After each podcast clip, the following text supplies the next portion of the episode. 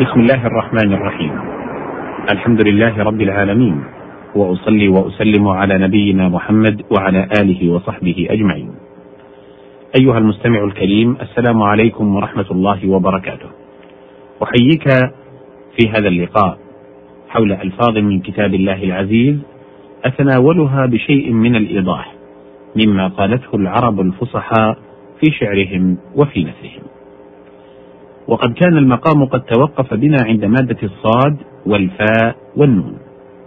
وذلك قوله تعالى في سورة صاد إذ عرض عليه بالعشي الصافنات الجياد أي الخيل القائمات. يقال صفن الفرس أي قام وأهل اللغة يقولون أن يثني الفرس إحدى يديه أو رجليه فيقف على ثلاث وهو أجود الخيل. قال الشاعر ألف الصفون فلا يزال كأنه مما يقوم على الثلاث كثيرا. وقيل هو قيامها مطلقا. ومنه الحديث قمنا خلفه صفونا أي صافين أقدامنا. الصاد والفاء والواو. قال تعالى في سورة محمد وأنهار من عسل مصفى أي خالص مما يشوبه. والصفو الخلوص. ومنه الاصطفاء افتعال من الصفو.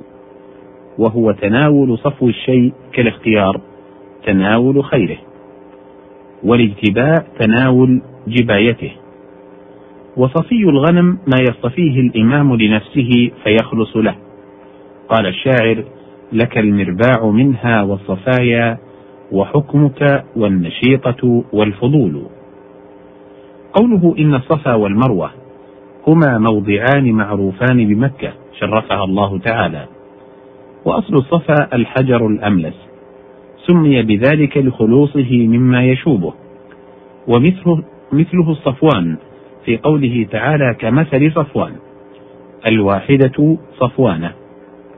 ويقال للناقة أو الشاة الغزيرة اللبن وللنخلة الكثيرة الحمل صفية. وبنو فلان مصفون أي لهم صفايا من ذلك. الصاد والكاف والكاف. قوله تعالى في سورة الذاريات فصكت وجهها أي لطمته. ويقال إنه ضرب الوجه بأطراف الأصابع تفعله النساء. الصاد واللام والباء. قال تعالى في سورة الطارق يخرج من بين الصلب والترائب. يعني أن الماء الذي يخلق منه الإنسان هذا مقره صلب الرجل وترائب المرأة وهي عظام صدرها. تنبيه على ذلك حتى لا يتكبر. وأصل الصلب هو الشيء الشديد والصلابة الشدة. ومنه صلب الرجل وهو ظهره. ولقوته قالوا ظاهره إذا عاونه كأنه ساعده بأقوى ما فيه وأشده. قوله الذين من أصلابكم. قيل إنما قال ذلك تنبيها أن الولد جزء من والده. وسمي المصلوب بذلك لأنه يشد صلبه على الخشب غالبا. الصاد واللام والحاء. قال تعالى في سورة الأعراف وهو يتولى الصالحين أي المسلمين العاملين بما أمروا به ونهوا عنه. وزادوا على ذلك بنوافل والصلاح ضد الفساد. وقد قوبل في التنزيل تارة بالفساد وتارة بالسيء. قال تعالى وإذا قيل لهم لا تفسدوا في الأرض قالوا إنما نحن مصلحون. وقال تعالى خلطوا عملا صالحا وآخر سيئا. قوله والصلح خير غلب الصلح على المودة بين الناس. وإزالة ما بينهم من الضغائن والإصلاح فعل ذلك قال تعالى أو إصلاح بين الناس والصلح في الفقه نوع من ذلك لأن فيه إزالة خصومة بترك بعض الحق.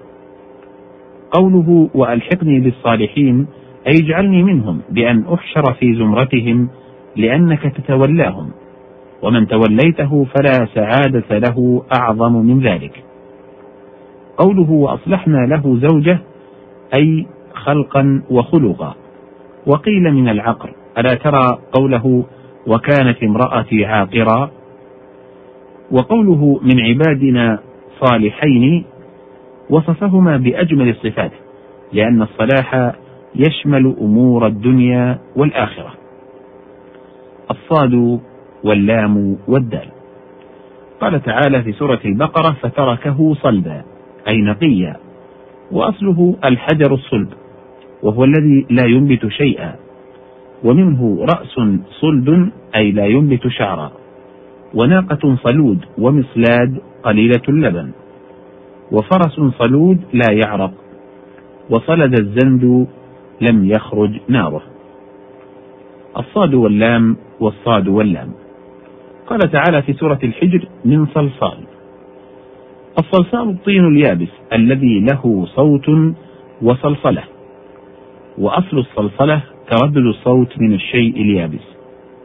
وقيل الصلصال الممكن المتغير من قولهم صل اللحم وصلل وأصل. الصاد واللام والواو. قال تعالى في سورة البقرة الذين يؤمنون بالغيب ويقيمون الصلاة. الصلاة لغوية وشرعية فاللغوية الدعاء.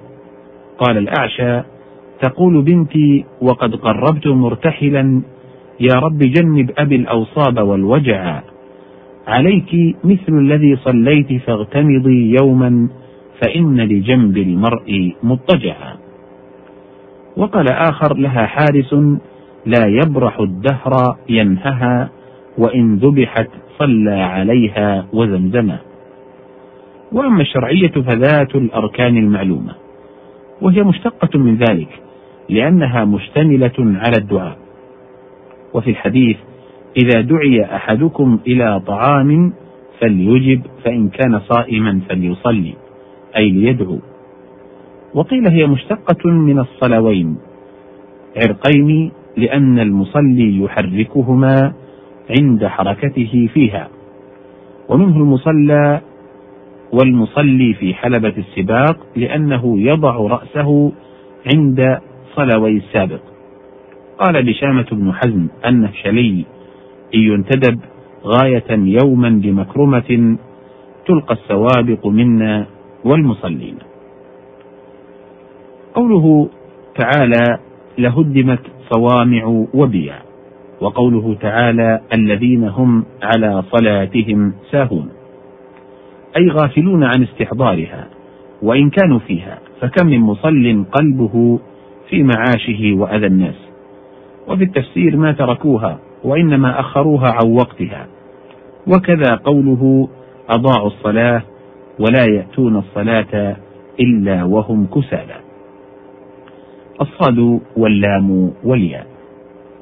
قال تعالى في سورة الليل لا يصلاها أي لا يدخلها ويلاقي صلاها.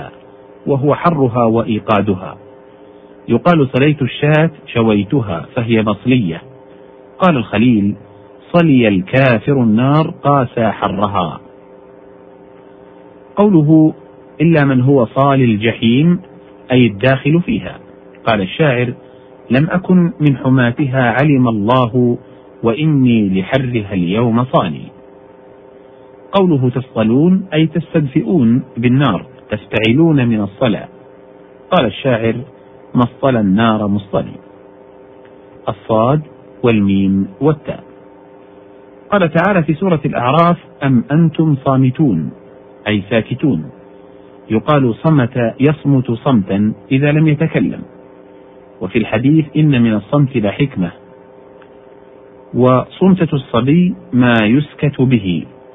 ومنه قيل للتمرة صمتة الصبيان. لأنهم إذا أعطوها سكتوا وصمتوا. وأصمته وصمته إذا قضيت حاجته. وذلك لأنه يسأل حاجته فإذا قضيت سكت. فجعل ذلك كناية لأنه لازمها. وقال الشاعر يذكر جمله إنك لا تشكو إلى مصمت فاصبر على الحمل الثقيل أو متي والصموت الكثير الصمت. الصاد والميم والعين. قوله تعالى في سورة الحج صوامع جمع صومعة وهي متعبدات النصارى وكل بناء متصمع الرأس أي متلاصقه ومنه رجل أصمع أي لاصقة أذنه برأسه. وقيل لصغير الأذن من الناس وغيرهم بهذا تنتهي هذه المادة. ووقت الحلقة أيضا ينتهي بذلك.